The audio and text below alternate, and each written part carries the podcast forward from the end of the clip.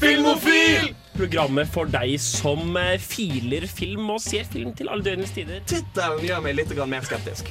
Vi bare gir det 40 år nå, så spiller de inn Schindlers liste med lykkelig slutt. Så vi får se. Men da har vi en sammenligning mellom Ja, ja, ja. Mike Hansburger og Tom Cruise. Bare hør liksom, synopsiset, for dette er kanskje det mest Tim Burton jeg har hørt om okay, på lenge. Okay. Du hører på Filmofil på Radio Revolt. Hasta la vista, Ja? baby. Ja, hei og velkommen til Filmofil. Nok en torsdag her fra Lukasbygget i Trondheim sentrum. I dag har vi en, eh, spenn eh, en spennende sending på gang, rett og slett fordi vi kanskje er noen av de minst kvalifiserte til å snakke om tema. Vi skal snakke om representasjon på film, så det blir spennende. Men med meg i studio så har jeg Henning Sjøli på teknikk. Jeg har også med meg vår nyeste filmnerd Thomas. Og jeg har også fått med meg vår regissørspire Sunniva Langhoff. Hallo. Og jeg heter August Sørli Mathisen. Eh, men ja, jeg, jeg tror vi skal få til et eller annet spennende i dag. Jeg er veldig spent på hva det kommer til å bli. Men, eh, men eh, ja, vi skal prøve å synse oss gjennom et betent tema etter beste evne. Nå skal vi høre Myra med 'Føle meg selv', før vi skal høre om hva vi har snakket om i det siste. Maserati om en Barbie på en Harley. Mikset Ariana Grande med Bacardi Og ble ferdig, har en Ola Nordmann, noen Kari. Der fikk dere altså Myra med 'Føler meg selv' her på Radio Revolt. Det, nå skal vi ikke snakke om hva vi har snakket om i det siste, vi skal snakke om hva vi har sett i det siste. Og eh, Henning og Thomas, vi, vi brukte jo helga på en aldri så liten eh, voldtekt. Det gjorde Ja, ja, det gjorde vi. Mm. Så søndag klokka ni. Så får vi ned på Søndag, Nei, det var syv. Syv Så- til ni. Ja, syv. Unnskyld. søndag sju til ni tok vi med oss eh, et par jenter og dro på voldtekt. uh, dette er da en film fra 1971, 71. Ja. eh, regissert av norske Anja Breien. Mhm. Eh, en av Norges mest anerkjente regissør på mange måter. Ja, hun var vel den før Joachim Trier som var på Cannes. Ja, Den mm, eh, før, eh, før Joachim Trier var i eh, Cannes med 'Louder Than Bombs' i 2015, så var forrige norske film, eller forrige Mm. norske regissør som var representert i, i Cannes, det var Anja Breien med Det- 'Arven' Trist, ass. i 1979. Ja. Så det var 36 år 35-36 år ja, med Ja. tørke. Så eh, takk og pris for Joakim, dere. Nei, men uh, hva tenkte du om filmen, da, Henning? Den uh, det var ganske tydelig budsjettet på den filmen. For det sånn. altså, vi så jo Uka før det så så vi Planet of the Apes, som nok er tre år eldre, hvis jeg ikke husker helt feil. Mm. Og fortsatt så den jo tusen ganger bedre ut. Den er svart-hvitt, for det første. Uh, og det, det er tydelig at det er ikke så mange som har jobba på den, men fortsatt veldig kult. Og historien var litt enkel, da, for å si det sånn, men jeg likte den. Det som var morsomt, var at det er både, både framtidsting og ting fra gamle dager. Mm. Du merka at det virka som de, hadde, de måtte kjøpe hvert minutt av lyd. For det var mange steder de bare ikke hadde lyd. Men formatet minner meg mer om Instagram enn det noen annen film gjør. For de bruker 16.9 som ser ut som sånn Instagram-video. Bare en veldig lang Instagram-video i mitt hode. For meg så var den på en måte mest av alt interessant som en regidebut. Altså jeg ser meg Hvis jeg hadde sett en film som var strukturert på samme måten med samme budsjett i dag, så hadde jeg tenkt sånn Hm, dette er en filmskaper jeg skal liksom følge med på i åra fremover. Og det må jo også sies at det var Anja Breien sin regidebut. Så, så som det, så tenker jeg at den var ganske imponerende. Jeg tenkte hm, det er en lydtekniker som ikke- som ikke har skrudd på lydutstyret sitt. sånn jeg hørte det. Den var litt Ja. stille til tider. det er sant, Ja. Men sånn narrativt så syns jeg den var ganske spennende fortalt. For altså, Det handler jo om en mann som blir anklaget for to voldtekter han, han, han sannsynligvis ikke har gjort. Det er, filmen er ikke helt tydelig på det, men det er til all sannsynlighet ikke han. Ja. ja, nei, jeg skal egentlig si at det, det er et, eh, et, fakt, et øh, tilfelle av voldtekt og et forsøk på voldtekt han ble dømt for. Men det er vel ganske tydelig i første scene at det ikke er han. Ja, det er jo spennende å se den her, for dette er overgangsperioden fra teater til film, i hvert fall i, Nor hvert fall i Norge. Ja. Eh, der, du, måte, der du kan se at eh, det er på en måte Skuespilleren er mer vant til en scene. Det var mye mer sånn Det er mye større, mye mer kroppsspill som på en måte var, var begynt å tones ned i denne filmen. Så det var veldig spennende å se på sånn fra skuespillersiden. Ja, så, så summa summarum men, men i hvert fall det handler jo på en måte om eh, hvordan han ender opp i fengsel, og rettssaken er fortalt i omvendt kronologisk rekkefølge, mens resten av plottet er fortalt i kronologisk rekkefølge. Det var en, det var en sånn spennende historiefortellingsgrep der, selv om på en måte kanskje ikke alt fungerte sånn helt på topp. Ja. Tror, var det ikke du som sa det etter filmen, at hvis de hadde spilt den i riktig rekkefølge, for å si det sånn, så hadde den kanskje vært en smule kjedelig? Jeg tror, Jeg tror nok det er tilfellet, altså. Jeg, jeg følte ikke at det ga så veldig mye, men samtidig har det blitt kjedelig uten. Ja, det var veldig greit å ha det som en slags sånn der, litt sånn krydder. Det var ikke det at det nødvendigvis ga filmen så veldig mye, men det fikk deg til å sitte der og tenke litt mer aktivt underveis. Mm? Men ja. Nå tror jeg vi skal høre en låt. Dette er et uh, tydelig filminspirert band. Vi skal høre The Good, The Bad and The Zugly med Sickness Unto Death, etterfulgt av mer siden sist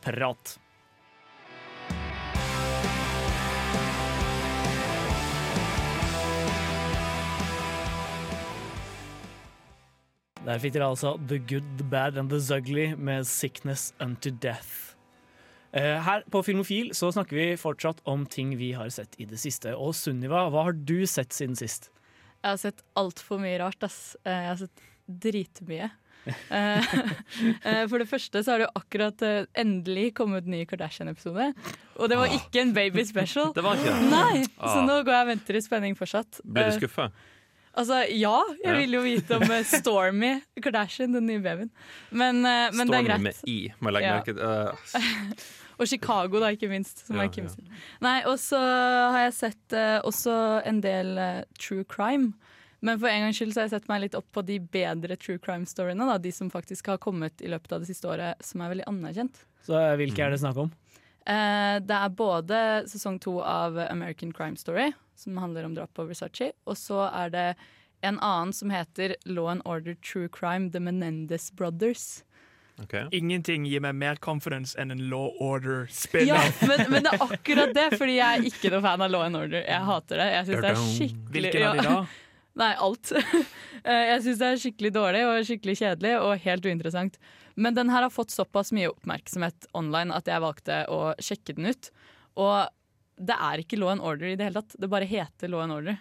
Det er, liksom, det er dritbra. Det er som uh, American Crime Story, uh, OJ Simpson og alt det der. Mm. Bare om et uh, mord som skjedde litt før, et par år før. Og den rettssaken det er snakk om, ble også overkjørt av OJ Simpson. Og han satt inne med de det er snakk om, da. Som trekker litt paralleller der, sikkert for publikum sin del og sånn. Men uh, det som er interessant med saken, er egentlig det at det var den første rettssaken som ble filmatisert, hvor de filmet i uh, rett, rettssalen.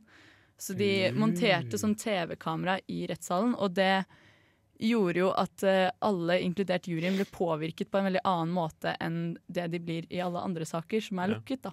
Hvilket år er det det er snakk om da? Det er vel 1989, tror jeg. Eller 88 tror jeg mordene skjedde. Og så er rettssaken i 89, og så gikk rettssaken over fire år, da, for de måtte ha en ny rettssak.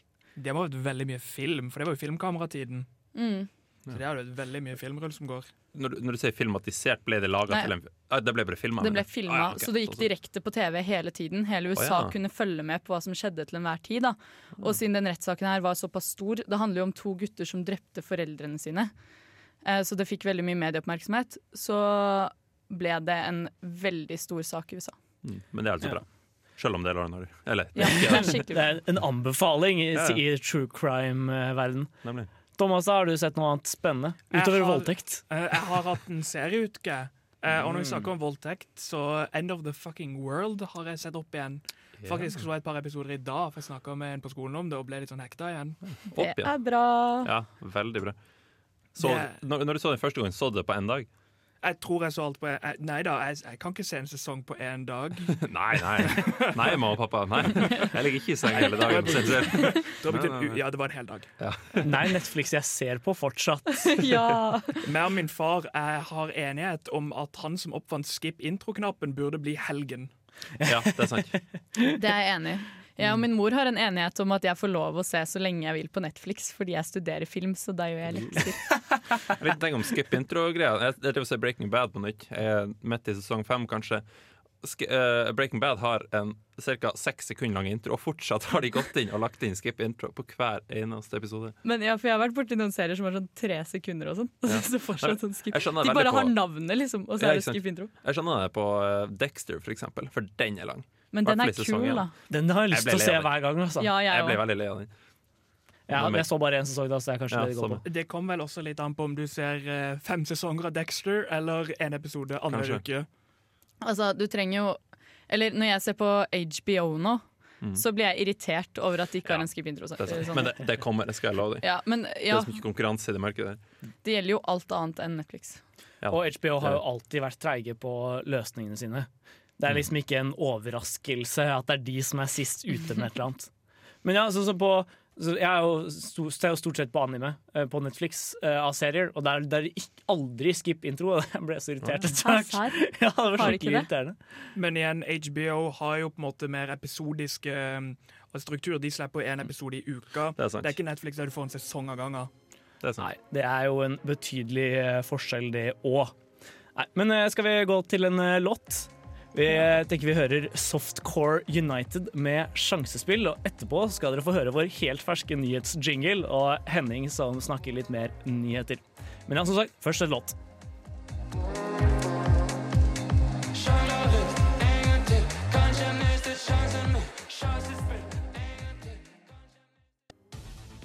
Filmofil presenterer nyheter fra filmen og fjernsynets vidstrakte verden.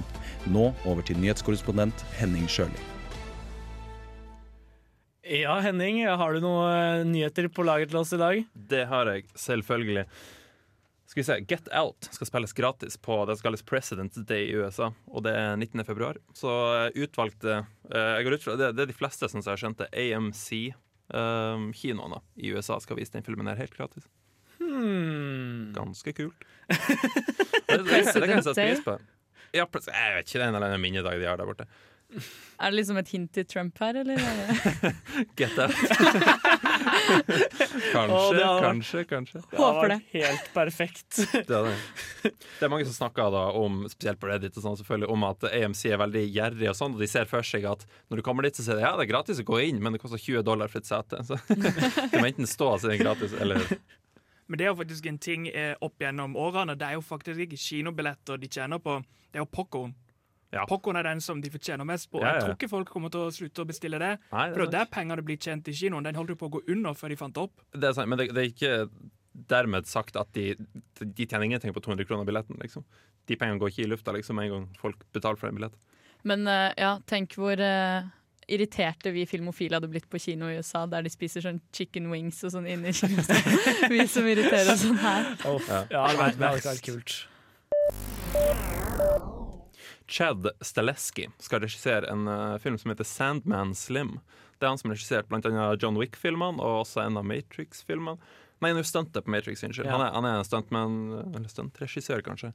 Stuntkoordinator. Stuntkoordinator, ja. ja. Han skal regissere denne filmen, og den handler om en mann som kommer tilbake fra helvete for å hevne seg på hans kjæreste sin, uh, sine drapsmenn. Og det blir veldig kult. Det blir liksom John Wick i andre, føler jeg. Så, ikke nummer to, Ja, men, ja, men i andre. Hva, hva, vi lagde John Wick og følte liksom nei, det blir ikke bra Det blir ikke nok anledninger til å ha heftige stunts og teite ting. Vi, vi, må, vi må liksom up the ante. Ja. Eh, jeg tror det ah, Det kommer til å bli Det kommer enten til å bli skikkelig latterlig eller veldig fornøyelig. Vi får se. Ja, det, det er én av to. Jeg har håp. Kan jo være begge deler. Kanskje. Michael Fassbender skal spille den nye Kung Fury-filmen. Og det var veldig rart, spør du meg. For de som ikke vet hva Kung Fury er, så er det en såkalt crowdf- crowdfunda film fra 2015. I 2013 så åpna de en eh, Det var vel Kickstarter han brukte av mannen, så samla inn 200 000. Han laga en kortfilm. ikke sant? Altså, jeg skal lage en 30 minutters film som legges ut på YouTube så jeg får 200 000 dollar. Og det fikk han. Eh, Og den ble veldig populær. Ja, og Nå ligger den både på YouTube og Netflix og er helt klart noe alle burde bare se. Ja, Det er særs underholdende sånn 80-tallsparodi. Er det den filmen der de slåss mot uh, Hitler? Ja. Ja, OK. Det er vel Kung. Führer, eh, som de kaller den. Regissøren har hovedrollen i den her, og han, eh, hvis jeg husker rett, eh, når jeg leste den her eh, sida hans i 2013, så var det at han filma hele greia i et studio av sånn tre ganger tre meter, eller noe sånt, med green screen. Og det er blant annet folk i bakgrunnen da, eh, som går på ei tredemølle i ei scene. Det var noe av den første han slapp. Uh, det er en liten mann, da. Nei, glem det. Han Sånn var det. Det er en fyr som går over skjermen langt, langt, langt i bakgrunnen, og det er han på ei tredemølle. som går på en green screen. Ikke sant? Så han har klept bort tredemølla og lagt den på i bakgrunnen og bare glidd inn animasjonen av en mann som går på tredemølle bortover skjermen. Sånn er den filmen her lappa sammen. Og David Hasselhoff, som har en stemme i Kung Fury i den originale, skal også ha en stemme. I den her. Han synger faktisk i den originale Yes. Kung Fury. Mm. Men at Michael Fassbender Hvordan fikk de med seg han, liksom? Altså, han, Jeg tror de har en, del penger, han. han virker jo som en artig fyr, da. Michael Fassbender. Jeg tror han, Ja. jeg tror han kan være liksom en, en menneske som ser humor i det, men man skulle tro han hadde bedre ting å drive med. liksom Ja, det, det er noen som sammenligner nå med Mr. Peanut Buttery fra Bojack Horseman. Hvis noen som har sett det. Noen av dere som har sett det? Ja. Ja, han er en sånn skuespiller som liksom slenger seg på alt. Han er bare så happy. Og liksom, ja, ja, det hørtes dritkult ut. Kom igjen. Altså, er alltid elendige prosjekter, men han klarer seg uansett, liksom. Star Wars 9 skal uh, låne skal se det, Art Director fra Blade Runner 2049. Det høres veldig fornuftig ut. Veldig. Jeg er for. Jeg, òg. Det var det. Nei, Men eh, Sunniva, hadde ikke du også en nyhet å komme med? Uh, jo, jeg er litt av ei. Uh, det er jo alltid snakk om eh, Friends the Movie. det har det vært lenge. Ja. Det har vært veldig lenge. Mm. Og i februar, nei, januar så kom det faktisk en eh, trailer, og den var jo fake. Mm. Men den fikk hele internett til å eksplodere. Eh, inkludert meg selv. Eh, Eksploderte du? jeg satt og gråt i går da jeg først trodde at det kom en Friends to Movie, men det gjorde det ikke. Men jeg fant i hvert fall ut at eh, Jennifer Aniston har eh, kommet på The Ellen Show og sagt at eh, anything is possible. Så kanskje, kanskje, kanskje. Kanskje. Vi krysser Vi får se. Men i hvert fall, nå skal vi høre Death by Unga Bunga med Soldier. Men rett etter det så blir det et intervju med Atle Antonsen.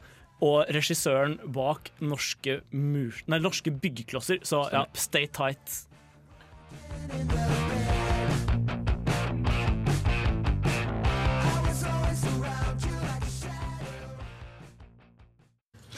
Vi kan begynne å fortelle litt om Norske byggeklosser. Det er jo en eh, oppfølger, som vi kaller det, til eh, en eh, film fra 72 med Wesenlund.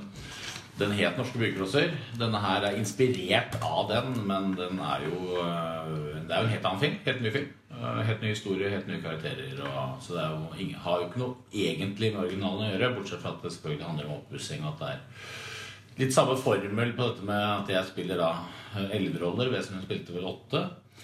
Men ellers er det en, en helt ny, moderne film, da. Og det handler da egentlig sånn i utgangspunktet om dette paret, spilt av Anders Bosmo og Ine Hansen, som arver et hus og eh, velger å overta det og, og pusse det opp. Og med de hindringer det måtte medføre, da. Det er ganske mange. Hvordan har den prosessen vært fra idéfasen og til Vi har uh, kost oss veldig med det. Jeg har alltid hatt lyst til å lage en helaftens komedie på 90 minutter som funker i, i kinosal. Og det er Atle òg, da. Eh, så det var litt som utgangspunktet vårt. Og det, og det er ikke så mange av de som det er ikke så mange av de som dukker opp eh, hele tida, så vi har hatt veldig respekt for den utfordringa. Men det har vært utgangspunktet vårt. da Eh, og så var det Atle som kom med ideen til meg for noen år siden. Og så vi, begynte vi, Men det som er viktig for oss, er å prøve å ha en sånn kjernehistorie som driver eh, Som er motoren i filmen. Og at eh, det ikke er en serie med sketsjer hvor Atle dukker opp eh, elleve forskjellige. Det, Ja, og, og at det ikke bare er jeg som skal forsøksvis være morsom, men at også paret har mye å spille på og har morsomme ting seg imellom. Det er også vært litt viktig. da for Det er kjernehistorien i det. Og så må Atles karakterer ha noe med den historien å gjøre. Enten at du stikker kjepper i hjulene for prosjektet, eller at det hjelper i hermetegn i paret vårt da, framover. Så jeg har vært heldig å få med? Vi har Ine Jansen fra Helt Perfekt eh, og Julie Blodfjell og Anders Bosmo Christiansen fra alt mulig annet. Alle andre norske filmer. måtte på å si. Og Dag. Og Dag, ikke minst. ja eh, Og, og Anne Marit Jacobsen, som jo er grand old lady og veldig veldig morsom i tillegg. Så når du får med deg sånn gjeng som det, så er det i hvert fall veldig takknemlig for meg da som eh, regissør å sitte og dytte litt på de folka i den storyen. Så det Men da er det jo gøy å spille òg, for du vet at uh, her, kommer, det- her kommer det fort gull fra alle kanter. Det er deilig. Trygt og godt. trygt og godt. Og gøy. Ja, Det dere hørte her, var altså Atle Antonsen og Arild Frølich, eh, som nå er aktuelle med norske byggeklosser på kino fra i morgen. For eh, dere var og, hørt, eller var og snakket med dem her om dagen, Henning og Sunniva. Yep. Stemmer det? Hvem vil begynne? Det var jo ganske gøy å snakke med deg, egentlig. Jeg fikk skikkelig lyst til å se filmen etterpå. Ja, jeg òg. Den, Eh, Den vokste mye mer på meg når jeg snakka med de liksom, og tankene deres bak den. Det, var, det skal se, jeg synes altså, Traileren er for så vidt grei, den. ja, men, den eh, virker morsom. Ja, den gjør det. Det er litt uh, det, det er ikke samme Fleksnes-humoren. Ja, altså, det er som de nevnte så vidt, uh, Rolf Wesenlund, som spiller en film i 71 eller annet. 74? 72? Et eller annet sånt. Det, det er liksom en norsk klassiker, og et par generas generasjoner før oss De vil si at det her er liksom den, mest, altså den artigste filmen i Norges historie, og den fortsatt står der. Men de her har mye mer en touch av det som er sånn Uh, hva skal jeg si, den forstatshumor i Norden i dag. på en måte Hvis du ser Solsidene og Side om side og sånne ting. Ikke? Mm. Jeg følte at det var veldig likt det. da Men fortsatt virka den kul. Eller sånn Atle Antonsen-humor, rett og slett. Liksom kong curling, eh, Ja, sant? Dag eh. Ja, for nå vil du påstå at det er han og eh, gjengen hans da, som har påvirka den humoren. Jeg vil jo påstå det, i hvert fall. Ja. Nei, de var i hvert fall veldig insisterende på at dette er en, veld, en helt egenstående film. Og at uh, de, de kaller det ikke tilfeldighet at det handler om en mann som er artig, som spiller mange roller i en film om et hus som skal bli pussa opp, og det kommer kjepper i hjula for de folkene. Men utenom det har ikke filmene noe til felles. De har jo også sagt at det, det ikke Eller de sa også at det ikke er eh, det samme type stikket mot byråkratiet som originalfilmen var. Eh, og det er jo egentlig litt overraskende til Atle Antonsen å være, som liksom har etaten og Nav og alle de der. da. Ja, det syns jeg. At de, de sa også at uh, de- det var deres mening, da, det med Rolf Wesenlund. sånn Det var mer en tilfeldighet, for navnene på de forskjellige karakterene er politikere. Fra det politiske bildet fra den tida. ikke sant? Ja, det er på den første filmen. Den første filmen, Mens ja. Atle Antonsen har hentet sitt fra barndomskamerater fra Lillehammer eller noe. Og jeg syns jo det er litt spennende, for mine foreldre var venner av Atle Antonsen på videregående, så vi får se om det er noen av de som dukker opp der. Ja, nei, men Ja, eh, nå, er må vi, nå er vi nødt til å høre en låt. Vi skal vi. høre Polnett med Gun her på Radio Revolt.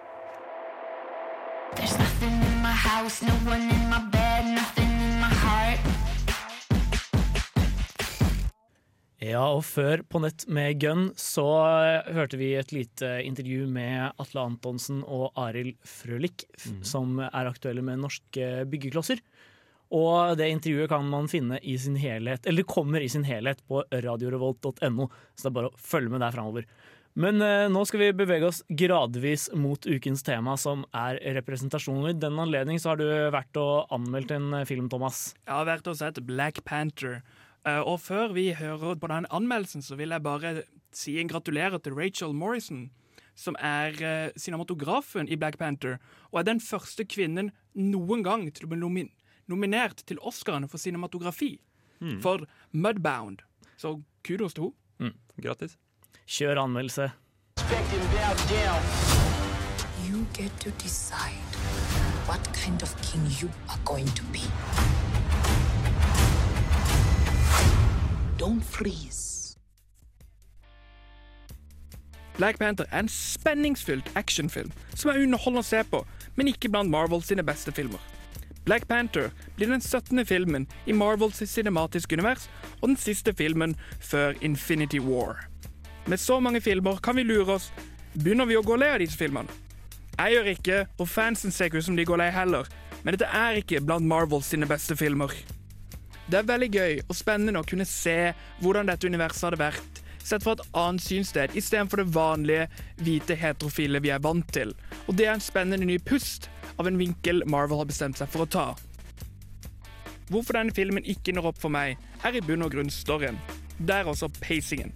Storyen er bygd opp på en måte som jeg synes er rar, der de har en 30 minutt build-up som ikke leder til noe, oppfølgt av en ny 30 minutters build-up som ikke leder til noe mer, for så en timeslang build-up som egentlig ikke når noe spesielt, før en klimatisk avslutning som jeg føler er kjip og litt dårlig gjort. Mitt andre problem med denne filmen er hovedpersonen vår, T'Challa.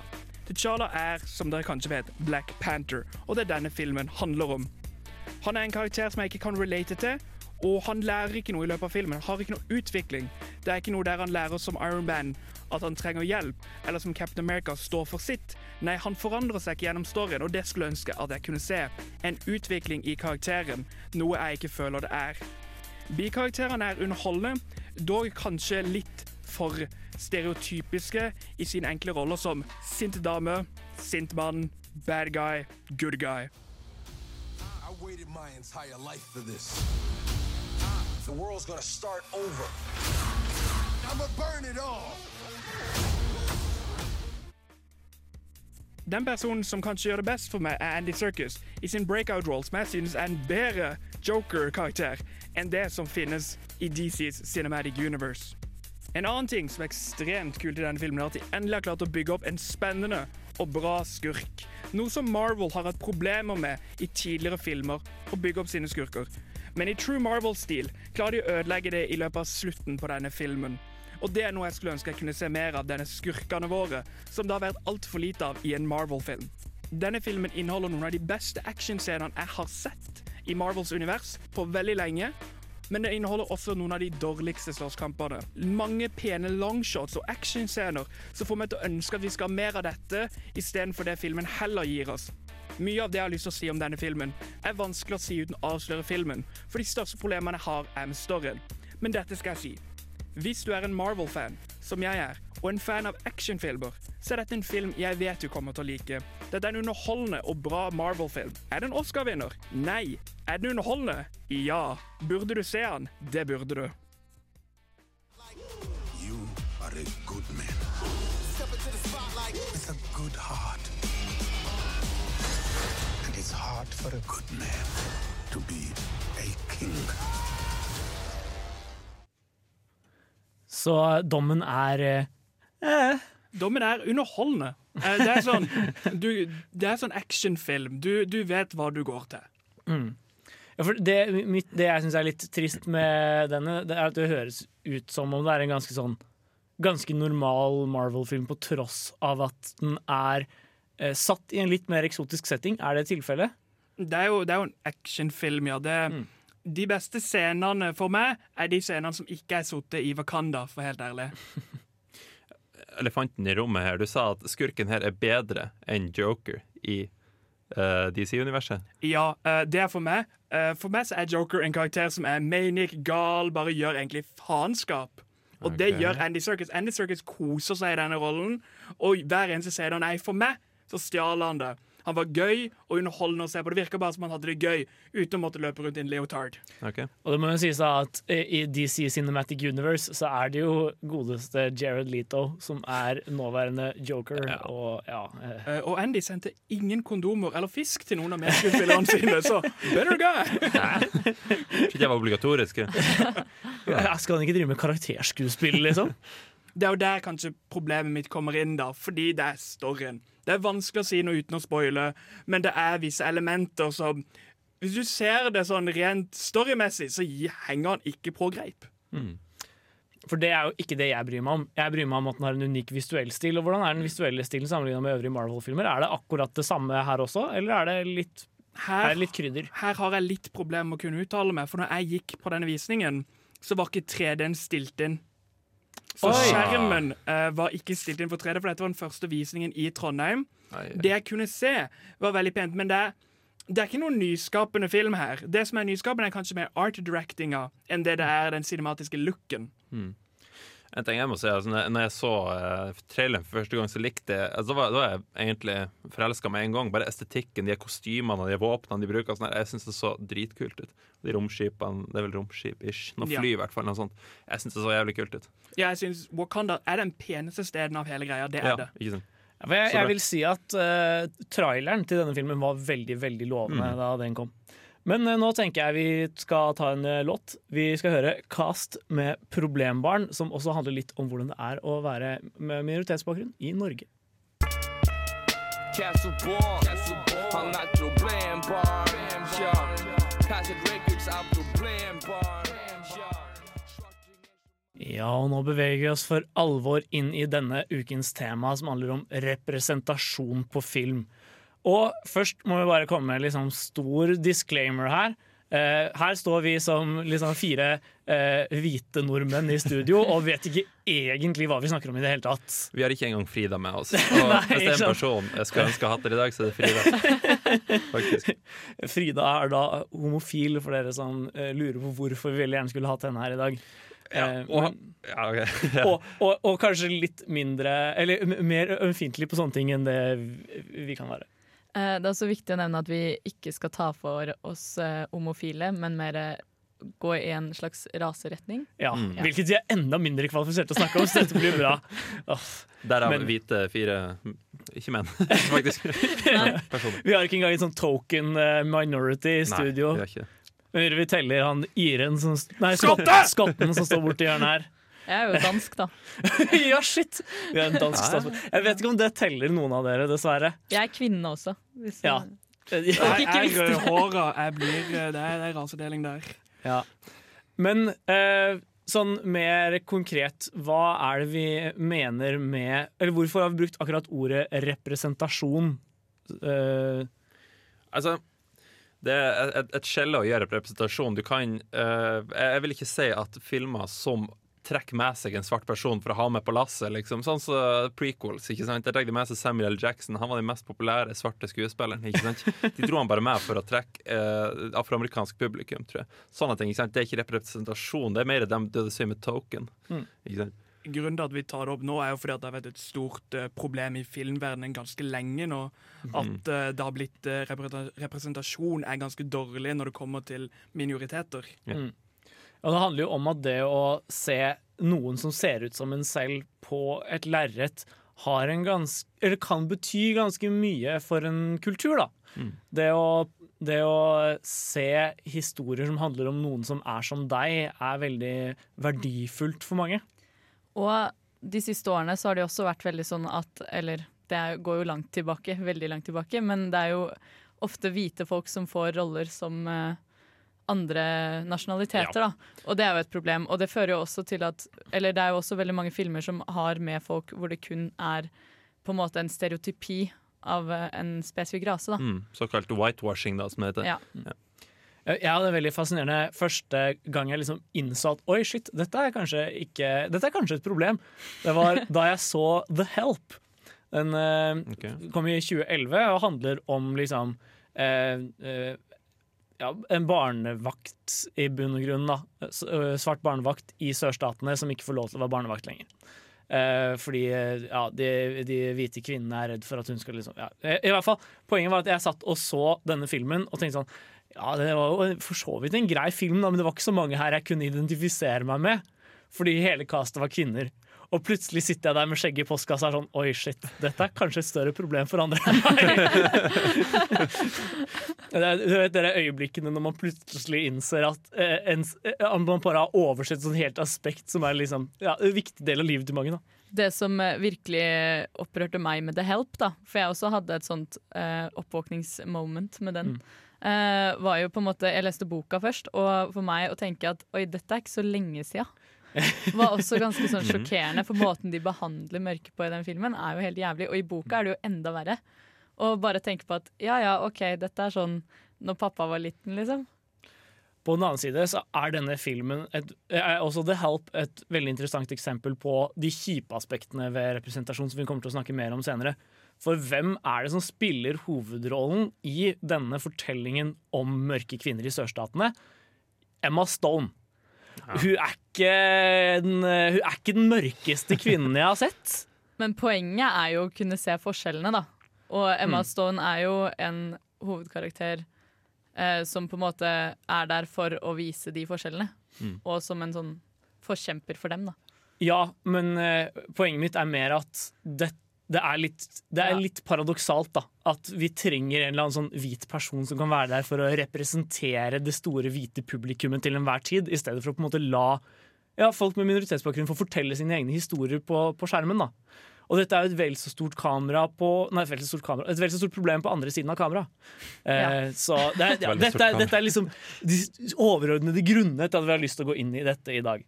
Men eh, ja, så det, det, blir en spennende sending med mange fallgruver vi sikkert kommer til å valse rett uti. Du får bare unnskylde oss, Frida, hvis du hører på.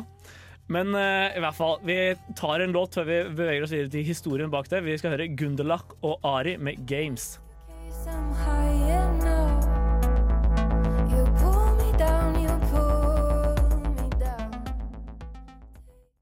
der hørte dere Gundelach og Ari med Games. Nå skal vi snakke mer om den historiske utviklingen til representasjon av raser i Hollywood-film. Og dette er jo et fenomen som går svært langt tilbake. Til før filmens tid. Eh, For det med eksempel blackface, da. For de som ikke vet det, så er det når en hvit person maler ansiktet svart og liksom skal være en sort person. Ja, Det kommer vel også av en karikatur av den stereotypiske svarte mannen på, ja. på 1800-tallet. Sånn Eh, Og det eh, egentlig den stereotypiske svarte mannen så lenge det har vært en stereotyp å ta Ja. av. det si. Ja. Eh, Men i hvert fall, eh, dette var jo en tradisjon som stammer fra vaudeville-dagene. Hvor man på en måte Det var sånn moroteater folk kunne dra på og se noen i blackface som løp rundt på scenen og var teite. Mm. Eh, og det er teorier på at Og dette, dette på en måte ble jo med over i filmverden. Veldig mange av de tidlige skuespillere Eller komedieskuespillerne var jo vaudeville-folk. Så ja, hva skal man si, når, eh, når man begynte å lage disse kortfilmene på tidlig 1900-tall, siden of Attraction, så var det veldig naturlig at blackface også var en del av det. Og det verste er jo at vi ikke er ferdig med det enda. Eller vi er ferdig med blackface, da, men vi, Men vi sånn- henger jo fortsatt igjen i det, da. Ja. Og et, et, men et av, de, et av de viktige tidlige eksemplene på dette, som både har blitt historisk beryktet, er jo 'Birth of a Nation'. For ikke bare er det en hvit person i blackface, men dette er også på en måte filmen som gjenopplivet Ku Klux Klan. Så, Var det? Ja, ja, ja. Ku Klux Klan var mer eller mindre død, dødt eh, 19, før 1915. Men så lagde D.W. Griffith, den største regissøren fra den perioden, et kjempesvært sånn tre timer langt epos om hvordan Ku Klux Klan løp, eh, rir inn på, med hestene sine og redder de stakkars hvite kvinnene fra en armé med slaver. eh, som er i ferd med å voldta dem. En armé med slaver? Nei, okay, det, er ikke, det er ikke en armé, det det, det er en gjeng da Ja, som skal til å voldta en hvit kvinne, og det er jo eh, Ja. Det er mildt sagt en rasistisk film, og ja, Ku. Klux Klan blomstret plutselig opp igjen. eh, og eh, masse folk i black altså, Det var jo ingen svarte som ville spille i en sånn film. Eh, med god, god grunn, så de, de, de De brukte blackface? Ja. Ah, Um, ja vel. Og bildet av en hvit mann med sort maling i ansiktet som er i ferd med å voldta en kvinne, og så blir eh, drept av Ku Klux Klan. Eh, det har jo blitt ja. Det er en grunn til at Birth of a Nation kun betraktes i dag som en slags sånn viktig film, og ikke så mye som en god film. Den blir ikke vist på Studentersamfunnets filmklubb. De, de, kan, de kan finne på det. Eh, det? Den er såpass viktig, men den er ja, det, det, Alle har en viss kritisk distanse til den filmen nå, da. Ja, Det håper jeg. Um, men i hvert fall denne tradisjonen med blackface, og, og særlig sånn Asian face, eh, har jo Mm. vart Altså Blackface slutta man mer eller mindre med på 60-tallet, med liksom March of Civil Rights, men, men ja, med asiatiske karakterer så fortsatte det mye lenger.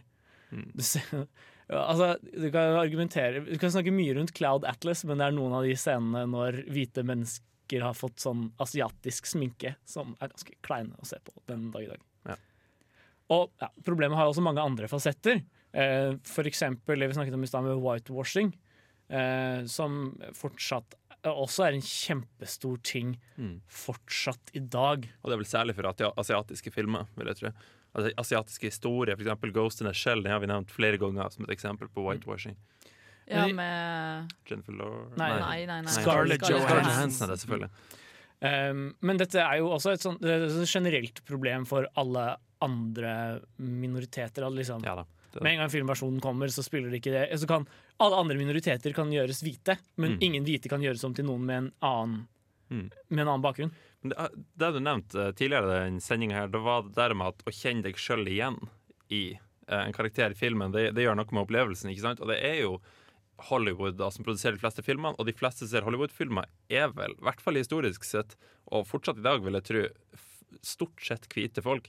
Mm. Så det, jeg, jeg vil tro at det, er noe, det, det har noe med markedsføring og rett og slett kapitalismen liksom, som gjør at du må ha nesten whitewash, på en måte. Men nå sendes jo Hollywood-filmer til hele verden, da. Ja, det er nettopp det. Og Eh, og også i USA så har de jo en stor andel innvandrere, eller tredjegenerasjons innvandrere for den saks skyld, som ikke nødvendigvis er hvite. Mm. Ja. Men vi skal bevege oss mer inn på dette med ukas TV-serie, som er Star Trek, så jeg bare teaser den allerede, etter at vi har hørt The Ida med Bushfire.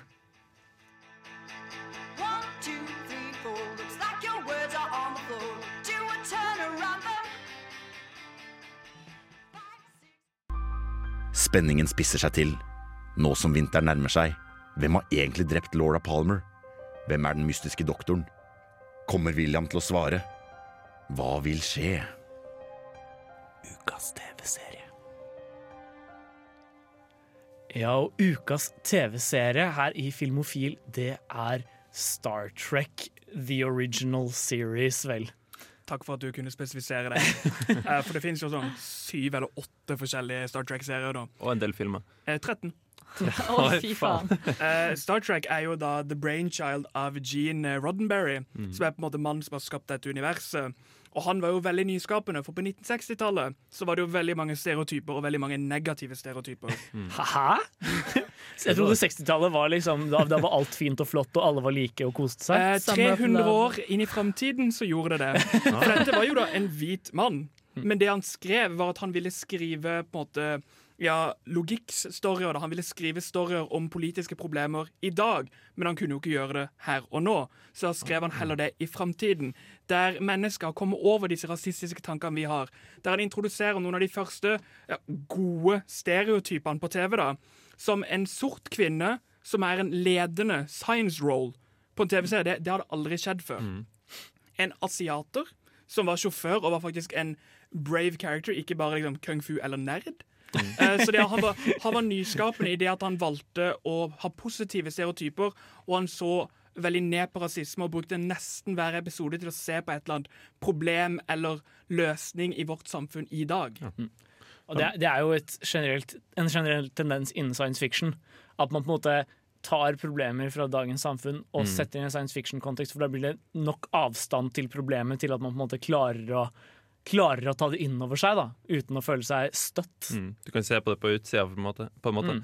Du kan, uh, en annen stereotyp han brøt, det var å ha en Klingon som ikke var veldig voldelig, faktisk. Ja. Eh, Klingon, uh, Volgens fordi Han har jo faktisk en av de mest ikoniske karakterene, er jo Spak, og han er jo ikke engang vår rase. Han er jo en Nei. Volgen. Det er de med de rare ørene. Ja. Eh, og der er det jo det at han introduserer nye raser for å sette opp mot spørsmål, sånn som han tok for seg den kalde krigen. Mm. eh, I mange av sine episoder, og på en måte ville se på vårt samfunn hvordan det helst skulle være med å ikke ta sånne stereotyper. da Og var jo den Mm. første interracial kysset på amerikansk TV noen gang. Mm.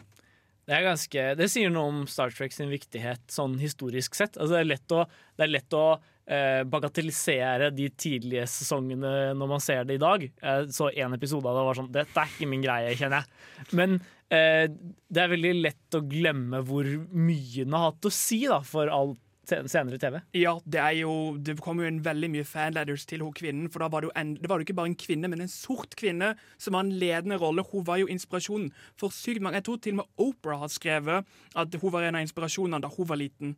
Yes. Jeg fikk skikkelig lyst til å se det bare pga. det, egentlig. Da må jeg bare påpeke hopp over den første episoden som ligger på Netflix. For det er eh, piloten, som ikke er serien, for den ble reskrevet. Så hvis du har sett den første episoden, så ble hele serien reskrevet etter den. Hmm, ja, det er jo kanskje ikke så dumt, for den var ganske kjedelig. Ja. Jeg husker jeg prøvde å se den sammen med eksen min, og vi var bare sånn Nei, det her gidder vi ikke, ass. Vi må finne et eller annet annet å bruke tida på.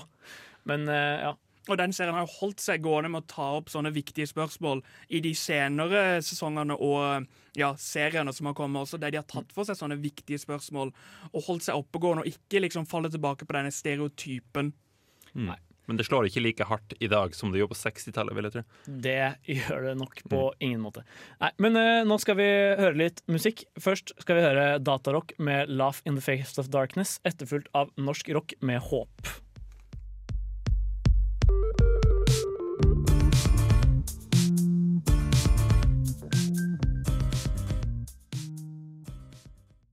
Ja, her på Filmofil så snakker vi om representasjon på film her i kveld.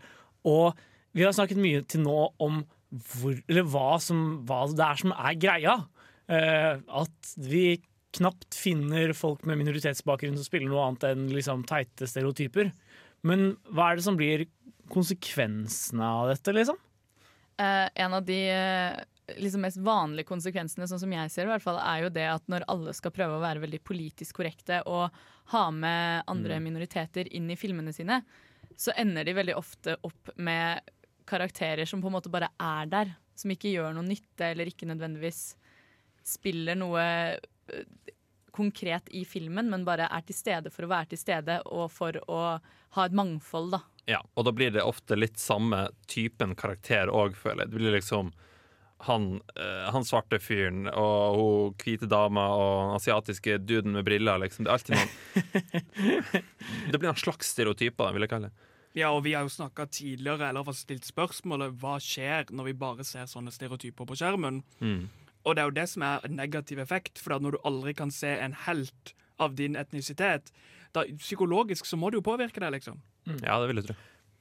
Og, og, altså, dette er jo litt utenfor det vi vanligvis Eller det vi har snakka om resten av, av sendinga, men hvis vi ser på superheltsjangeren, da. Hvor lang tid tok det før vi Altså, nå fikk vi Black Panther med den første, første standalone-filmen om en mørk superhelt i på en måte de nye cinematiske universene. Og i fjor så fikk vi Wonder Woman, som var den første om en kvinne. Ja. Altså, kvinner er litt halvparten av befolkningen og halvparten av de som leser superhelt eh, graphic novels.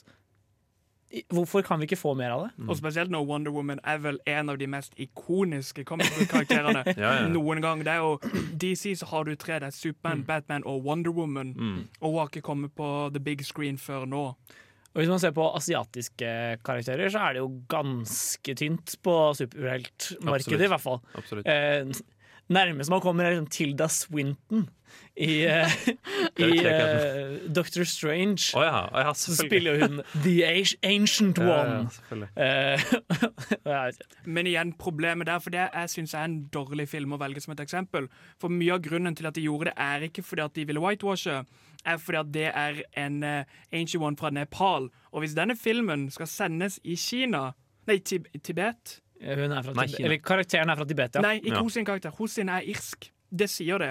Jo, ja, ja, men karakteren i tegneserien Ja, er fra eh, Tibet. og grunnen til at de ikke fikk lov til det, var jo pga. Kina. De ville selge filmen der. Så jeg kan skjønne hvorfor de gjorde det, for der var det bare penger og Kina som var problemet. Men det er litt da. Altså, eh, akkur akkurat det med kvinner Det synes jeg er veldig rart at vi ikke har hatt akkurat Wonder Woman. For uh, jeg tror jeg leste et sted at uh, comic book-lesere i USA Det er 50% kvinner og 50% menn. Ganske nøyaktig. Det er kanskje et par prosent som går til menn, men det er stort sett 50-50. Men akkurat det med folk av annen rase enn hvit, det kan jeg litt forstå på et rent sånn økonomisk uh, ståsted. Men nå er jo ikke dette et problem bare i uh, superheltverden. Altså, Nei, se, nei, I alle på en måte sjangere. Altså, bare tenk romantiske komedier, for eksempel. Det er Mm. alltid white woman meets white man. Altså, det, er jo, det er jo ingen variasjon her, liksom, i det, Det hele tatt. Og Og så er det kanskje en sånn black BFF. Uh, ja. Til og med DVD-coveret er hvitt, liksom. Ja. Med noen rosa hjerter og sånn. Ja. Mm. Skal ikke være, skal ikke være greit, Nei, men konsekvensene og tilbake til det vet ikke, altså, Det blir jo litt det at du liksom aldri får se en person av din etnisitet ikke sant, fylle en rolle som en helt eller som, som en romantisk et eller annet. Jeg vet ikke. Ja, og så er det jo Altså, det skjer jo innenfor alt mulig også. Sånn, altså, konsekvensen blir jo at de ofte på en måte putter inn folk for å gjøre folk fornøyde, da. Ja. Og så fungerer det ikke alltid like bra. Så når det ikke er noen eh, mørke som er nominert til Oscar, så putter de en, inn en black host. Ja, det er nesten Eh, fornærmende, egentlig. Ja, det er bare sånn der, her, vær så god, her har du denne, liksom. Ikke sant, Du reduserer du det, det mennesket til en farge, liksom. Det blir Ja. jo ja. Ja, og og jeg tenker også det etablerer en slags konsensus om at én farge er normalen, og en annen farge er en liksom tydelig avvikning fra det. Jeg, er jo et godt eksempel på det selv. Jeg nevnte jo min opplevelse med The Help. Og man liksom, ja, det kunne jo godt vært litt flere karakterer for meg å, å kjenne meg igjen i, og så er det fordi liksom det var den eneste filmen jeg hadde sett uten en hvit mann i hovedrollen. Da var du plutselig fornærma. Ja, ikke sant. Nei, men uh, la oss uh, høre en låt. Vi skal høre Christian Grostad med 'Slowly Drowning', etterfulgt av en liten pause.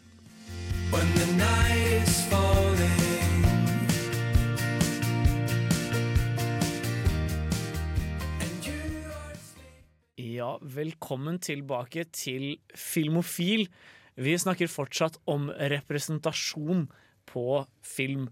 Og eh, nå skal vi innom en litt sånn lei stereotyp, eller trope, som går igjen i litt vel mange filmer, Henning. Ja, trope er rette ordet, og det, er, det kjente sitatet kan egentlig oppsummere det med at the, white, no, the black guy always dies first. Ja. Og det er nok du ser det, Folk knytter det ofte til skrekkfilmer, men jeg, jeg har faktisk en kjempelang liste over filmer. Jeg, jeg vil ikke ha lest den opp, liksom, men filmer sånn som American Psycho, det er han derre uteliggeren. Mm. Han blir, han blir drept, han er svart. Det Du kan google det sjøl altså, hvis du er interessert. Det er utrolig mange filmer der den svarte fyren dør først. Og jeg tror vi kan koble det til det vi snakka om før vi hadde den forrige sangen. her Det der med at du trykker inn uh, folk av forskjellig rase i filmen din, og så vet du liksom ikke helt hva du skal gjøre med dem når de er i filmen din. på en måte Så tenkte jeg at ja, OK, men de kan gjøre en scene hvor de dør, kanskje. Hmm, kanskje. Ja, særlig i sånn action- og horrorfilmer så er det typisk sånn en liten gruppe med mennesker som er stuck et eller annet sted, og så kan de ikke komme seg fri, og så den, så den svarte fyren er alltid den som må ofre seg, da. Ja, ikke sant? Og da er det ikke fornærmende, liksom, for da er han heroisk. ikke sant? Ja, ja, ja. Heroisk svart mann skal ikke bli sur da, liksom. Fordi han var jo heroisk. Men, Men, det, det, er, det, det er noe med å stadig se den svarte fyren som ofrer seg for alle de hvite. Ja, ikke sant? Eh, det, South Park gjør narr av det på veldig festlig vis i en episode hvor de skal Eller det er en sånn hippiekonsert som er i ferd med å nå sånn stoner overload. Så skal Cartman sette sammen et team som kan eh, komme seg inn dit. Da. og Da trenger de en sånn eh, en, dr svær drill, og eh, han må sette sammen et team bestående av liksom, eh, en kvinne som kan sitte der og ikke skjønne hva som skjer, og en, en svart fyr som kan ofre seg. det blir for, går for ille. Man merker det jo også veldig godt i mange TV-serier eh, Mm. som går over lengre tid. Hvor de på en måte hele tiden prøver å holde på eh, eh, et stort spekter, eller et mangfold, da. Mm. Eh, og så er jo de karakterene der kun for at de hele tiden skal kunne opprettholde et stempel med, som en mangfoldig serie. Uh, og så må de drepe unna karakterer da, for å ikke få for mange hele tiden. Mm. For eksempel eh, Walking Dead. Det er litt det der det du sier om at de er der bare fordi de skal fylle et rom. på en måte. Det er, sånn som The Walking Dead, ikke sant? Det er ingenting som stopper filmen fra å ikke ha liksom regnbuen, liksom. Serien. Ja, serien. Unnskyld. Eh, De kunne hatt hvem som helst, liksom, så det virker nesten litt falskt noen ganger hvorfor de har så mange forskjellige mennesker. Ja, og der er det jo sånn De har jo et par uh, mørke som de har med hele veien. Mm. Og de dør jo aldri fordi at de er sammen med de andre hovedkarakterene. Men alle nye mørke som kommer til, Ja. de dør. Altså Hvis de er ute i skogen Å, zombier, hva skjer? Hva skjer? Så snubla de eller noe. Alle de hvite er smarte nok til å liksom lure de zombiene. De mørke er ikke det. Eh, og de har jo også Hva er det han heter? Glenn. Ja. Som er et typisk, typisk eksempel på Han er jo Typics. Han eh, er jo asiatisk og veldig sånn derre Å nei. eh, han passer ikke helt inn og finner seg ikke helt i rette, og han har ikke noe tekken på damer. Og han er veldig sånn Jeg vet ikke hva jeg skal si.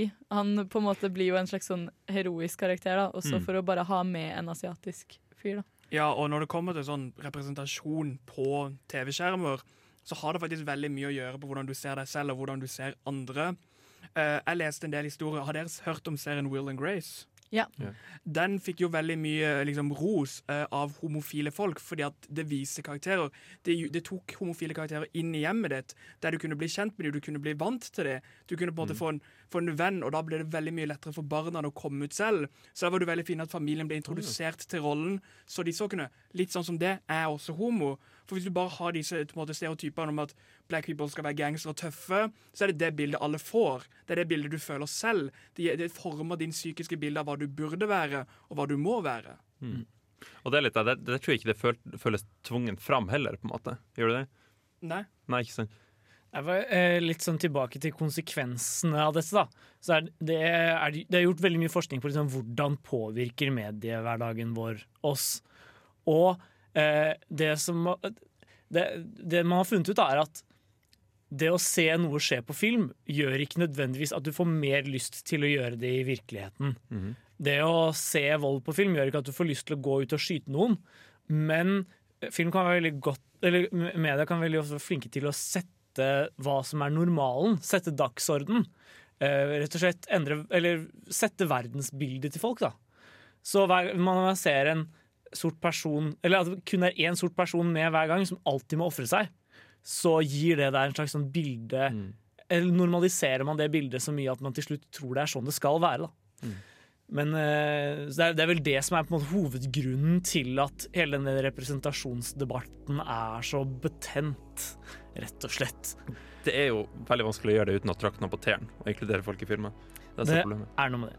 Men nå skal vi høre låt. Vi skal høre Magdalena Bay med 'Waking Up' her på Radio Revolt. Yeah, I wanted something new. Ja, og nå skal vi over til det som var ukas hjemmelekse. Dette er en film med hva skal man kalle det? det er ganske mange forskjellige Eller den har, den har valgt å representere ganske mange forskjellige folk, og med varierende hell. kan Vi vel si. Vi snakker om Natt på museet. For dette, det, filmen handler da om Ben Stiller, som har fått seg en ny jobb som nattvakt på et museum. Og plutselig blir alle eh, museumsgjenstandene levende. Og det skal jo sies at det, det museet han har fått jobb på, er jo ikke et hvilket som helst museum. Det er det historiske museet i New York. Eh, hvor de da har eh, forskjellige historiske kulturer blant annet representert. Som for eksempel Native Americans og Egyptere. egyptere og ja, mye forskjellige, da. Og vi kan- vi- romere og Romere Vi, vi kan jo begynne kanskje et sted hvor de ikke fikk det til så bra. For de har jo uh, Attila the Hun representert der. Og hele, både han og hundergjengen hans er presentert i skikkelig, skikkelig kleint vis. De er skikkelig onde, sånn kriger, krigermenn, arr. Eh, og de driver og løper etter Ben Stiller for å dra fra hverandre lemmene hans til enhver tid. Ja. Det, det er indianere, sant? Nei, dette er, dette er eh? Nei, eh, hundere de er vel faktisk ja, hundre, europeere. Ja, de er- de er europeiske. Det er fortsatt, det er fortsatt liksom bare teit ting å gjøre, da. Og det viser seg at til slutt at Nei, grunnen til at de var så sinte, var at de hadde, blitt, de, hadde, de hadde ikke fått nok kjærlighet til barndommen. Så med en gang de bare fikk en, fikk en klem av, Og litt sang. Av Ben Stiller, så kunne de være venner igjen. Ja, det er noe det her Jeg får ikke sånn- lyst til å se den filmen. Nei, det er, det, er, det er jo en uhyre klein film. Det, I hvert fall for meg. Det er jo en barnefilm. Ja, det er det. Eh, men den er Sent sånn barneskolefilm, liksom. Den er sånn Hollywood på sitt kjedeligste komediemessig. Ja. Men Har vi noen andre eksempler? Ja, ja, ja. Vi har masse masse å ta i her. Ja. Eh, blant annet så har de jo med en eh, native american eh, som Sakachowi. Ja. Sakachuea. Ja, Sak- Sakachuea. Ja. Som, eh, som Roosevelt, er det vel, blir forelsket i. Theodore Roosevelt. Ja, og det som er litt funny med henne, da, er at for hun ser vel ganske native american ut. Hun, hun kunne gått for å være eh, Amerikansk urbefolkning. Ja, Ja, men hun er jo ikke det. Hun er halvt japansk, var det vel? Ja, halvt japansk. Amerikansk-japansk. Ja. Nei, f- eh, far som er eh, amerikansk, og mor som er japansk. Ja. Ja. Så det er litt sånn derre OK, jeg ser dere prøvde på noe her. Funka ikke helt, kanskje. Kanskje. Og det er, det er noe med hele måten hun er representert på som sånn derre pathfinder for et par hvite dudes. Ja. Som er greit nok, Hun er basert på en historisk skikkelse, men det er fortsatt en sånn erkestereotyp. da, som er liksom, yep. Trengte vi virkelig Trengte vi virkelig å ha en uh, halvt japansk dame som skulle late som hun var indianer og vise noen hvite folk veien? Ja, for Problemet er jo at alle disse er jo veldig stereotypiske. Mm. Uh, alle som er vist der. Og det eneste stedet de vel egentlig treffer, er eh, på den egyptiske faraoen. Men igjen, for å være the, the bad one Dette er jo en barnefilm, eh, og de har ikke Jo tid nok til å dedikere såpass lang tid til hver enkelt karakter. Men er det ikke nettopp fordi det er en barnefilm at de burde være nøye med representasjon? For det er jo hos barn man begynner å forme ideene om hva øh, om, om hva identitet er, da. Så man burde er, det, er det et sted man burde være forsiktig, så er det jo i barnefilm. For voksne så kan man jo liksom ta seg friheter.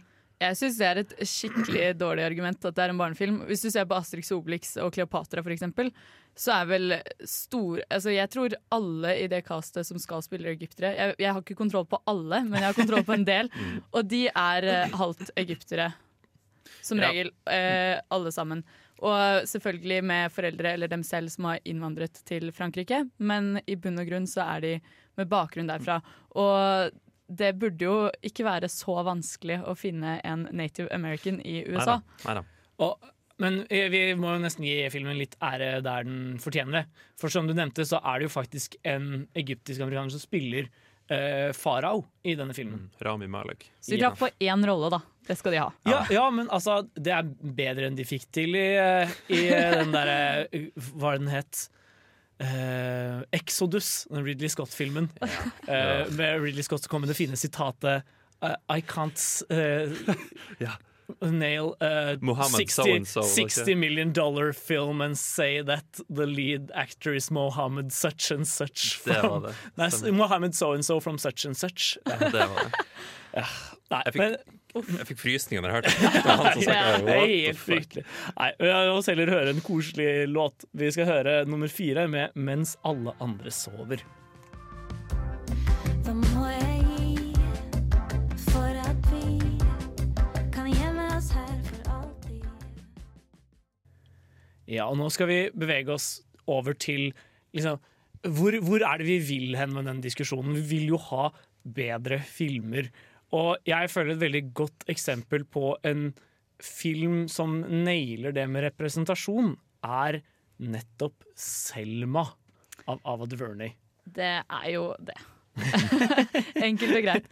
Eh, Selma er jo en film som tar for seg en stemmerettsmarsj fra Selma i Alabama til Montgomery. Hvor egentlig poenget Altså, Martin Luther King dro jo i gang dette her for å demonstrere på en rolig måte, da. Eh, hva som var feil med sørstatene. På en fredelig måte, ikke på en rolig måte. På, ja, på en fredelig måte. ja, så de skulle da gå denne distansen, og de skulle ikke oppfordre til noe vold, ingenting. Og det som på en måte gjør den så stor i historisk sammenheng, er jo måten de ble møtt på av eh, politiet og myndighetene. For de blir jo angrepet eh, direkte. Og jeg vet ikke med dere, men for meg så var det veldig sånn sårt å se på, da. I hvert fall i henhold til at den kom ut veldig nærme eh, Da det var Var det Ferguson? Ja. Eh, At det, det skjedde så mye opptøyer, da. Som jo sier at vi har jo dette problemet i dag også. Igjen. Det er noe med det. Og noe av det jeg syns er så herlig med Selma, er at det er ikke bare de man ser på skjermen. Altså, det er, hovedpersonen er Martin Luther King. Vi trenger ikke en eller annen sånn hvit fyr vi kan følge. Vi, vi på en måte blir satt der med en sort mann som hovedperson. Det er én ting. Men en annen ting er at alle bak kamera også er, eh, eller har, har sånn bakgrunn. Du har regissøren, for eksempel, Ava DuVernay. er- Første kvinne som ble nominert, mørke kvinne som ble nominert til Oscar. Eh, ble hun nominert til Oscar? Ble hun ikke det? Første kvinne i hvilken kategori? Eh, Nei, hun er i har hvert fall- andre kvinner som ble nominert tidligere. Ja, men uh, Ja, i hvert fall jeg, jeg tror vel fortsatt ingen eh, mørk kvinne har blitt nominert til Jeg tror ikke hun har blitt nominert, nominert til Oscar for beste regi ennå. Selv om hun eh, Jeg syns kanskje hun kunne fortjent det for Selma, da. Um, men i hvert fall, hun er på en måte et sånn sjeldent, sjeldent tilfelle av en sort kvinnelig regissør som faktisk får oppdrag. Eh, Bradford Young, fotografen, han er også mørk. Det er ikke så veldig utbredt. Og han har gått videre til å gjøre skikkelig bra ting. Han tok jo 'Arrival' kort tid etterpå. Og her er det jo et eksempel på en film hvor noen får lov å fortelle om sin egen rase. da. Hvor det ikke er hvite folk som skal Ja. fortelle en mørk person sin historie, men noen som har mye nærmere tilknytning til det. Og det er jo kanskje det som får det til å fungere, da. Ja, for jeg, jeg tror i hvert fall man kan kjenne på det når man ser filmen. Den er ikke bare en sånn Den, den kunne blitt en veldig sånn klein Martin Luther King-biopic, men den ble virkelig ikke det, da. Og det er en annen ting jeg synes er veldig fint også, det der at Martin Luther King, selv om han er en hovedperson, så tenker du ikke så mye på han. Du tenker på alle de andre Altså det er, ja, på en måte Når de går i den marsjen, da, når du ser hele den mengden som går der og blir angrepet ute på en bro liksom, og ikke har noe sted å flykte, og ja, bare den massen rundt han, da, hvordan de viser det, syns jeg var veldig vakkert gjort. Eh, Du snakker om hva vi, har, hva vi har lyst skal skje når det kommer til dette. her. Og jeg tenker, det er en veldig bra film, men jeg, jeg føler den derre Black People biopic-filmen jeg har, sett, jeg har sett veldig mange av det. Det jeg ønsker å se, er noen fiksjonelle filmer der ikke sorte folk er casta for å være sorte, der folk blir casta for å være karakterer, for å spille mer fiksjon. For jeg har sett veldig mange av disse biopic-filene, og spesielt med liksom Black Oppression. Mm. Og eh, Apropos liksom det, så er jo Black Panther litt relevant nok en gang. For Ava DuVernay var lenge aktuell for å regissere Black Panther. Men hun merket at der fikk hun ikke lov til å utfolde seg som regissør i det hele tatt. Det ville bli en ren studioproduksjon, så hun takket nei. For å gjøre andre ting. Men en annen film som har vært veldig mye omtalt pga. det med representasjon i det siste, er jo Moonlight. Og i den anledning tenker jeg vi skal Fantastisk. 'Dancing in the Moonlight'.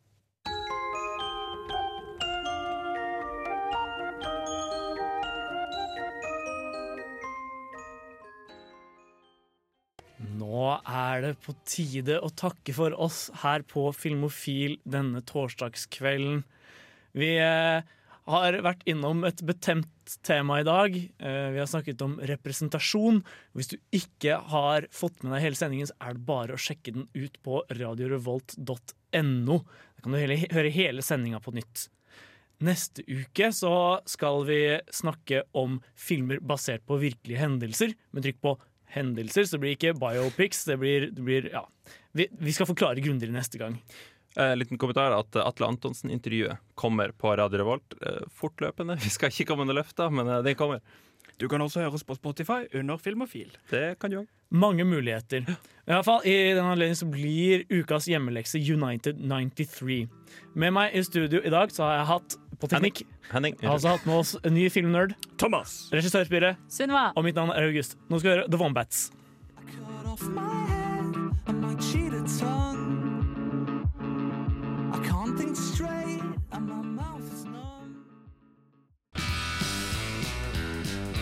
Du lyttet nettopp til en podkast fra Radio Revolt.